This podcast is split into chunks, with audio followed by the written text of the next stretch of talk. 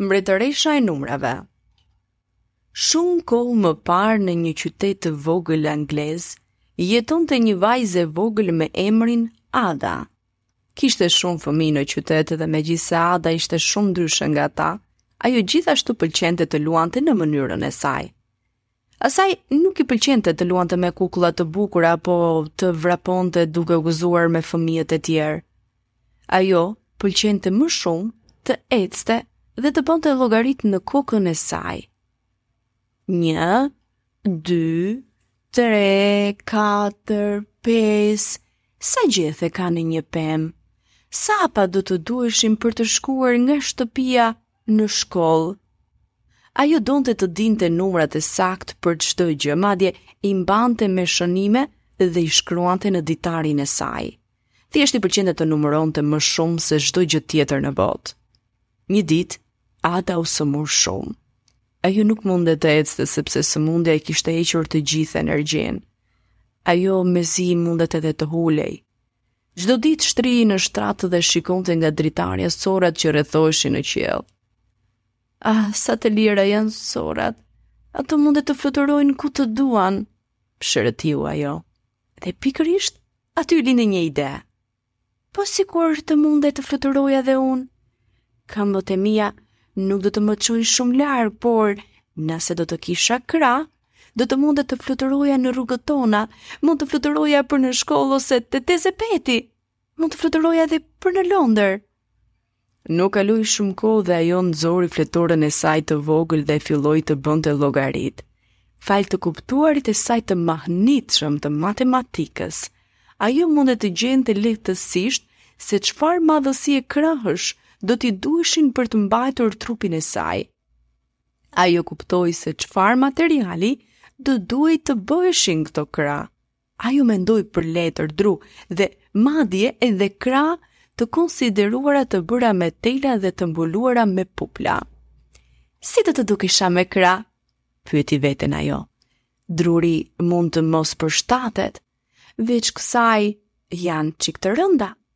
Por, mendoj se do të doja më shumë të bëheshin me pupla të vërteta. Mund të isha njësoj si shoqet e mia sorra. Së shpejti, ajo postonte vizatime në ditarin e saj. Ishin dekorime të bukura. Dhe kështu Ada i kalonte ditët në shtrat. Ajo e dinte shumë mirë se koha do të kalonte edhe më ngadalë nëse do të mendonte vetëm se sa i mërzitshëm ishte shërimi. nëse do të numëronte vetëm minutat, kështu mori gjithë përqendrimin në vizatimin e krahëve të saj. Ajo mund të bënte të gjitha llogaritjet e saj shtrirë. Çdo ditë ajo ëndërronte të fluturonte në të gjithë Anglinë ose ndoshta edhe më tej. Dhe sigurisht, kurrë nuk humbi një llogaritje të vetme për çdo udhëtim të saj. Pas pak, Ada u bë më mirë dhe këmbët e saj u forcuan. Shpejt harroi krahët që kishte dëshiruar aq shumë. Ai mund të ecte përsëri, duke u endur dhe duke numëruar siç kishte bërë më parë. Sa ujë mund të futet në liqenin tonë të vogël? Pyeste ajo veten.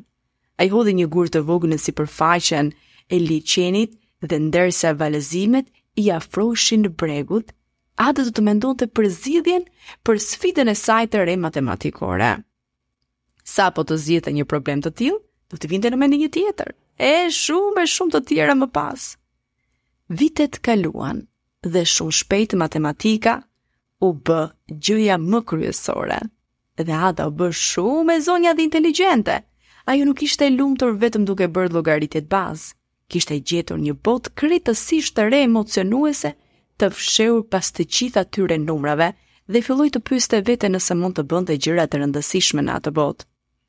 Po sikur me gjithë këta numra të thjeshtë t'i jepnim një kuptim të ri makinave që ndihmojnë njerëzit, A mund të jetë makina një gjë ndryshe?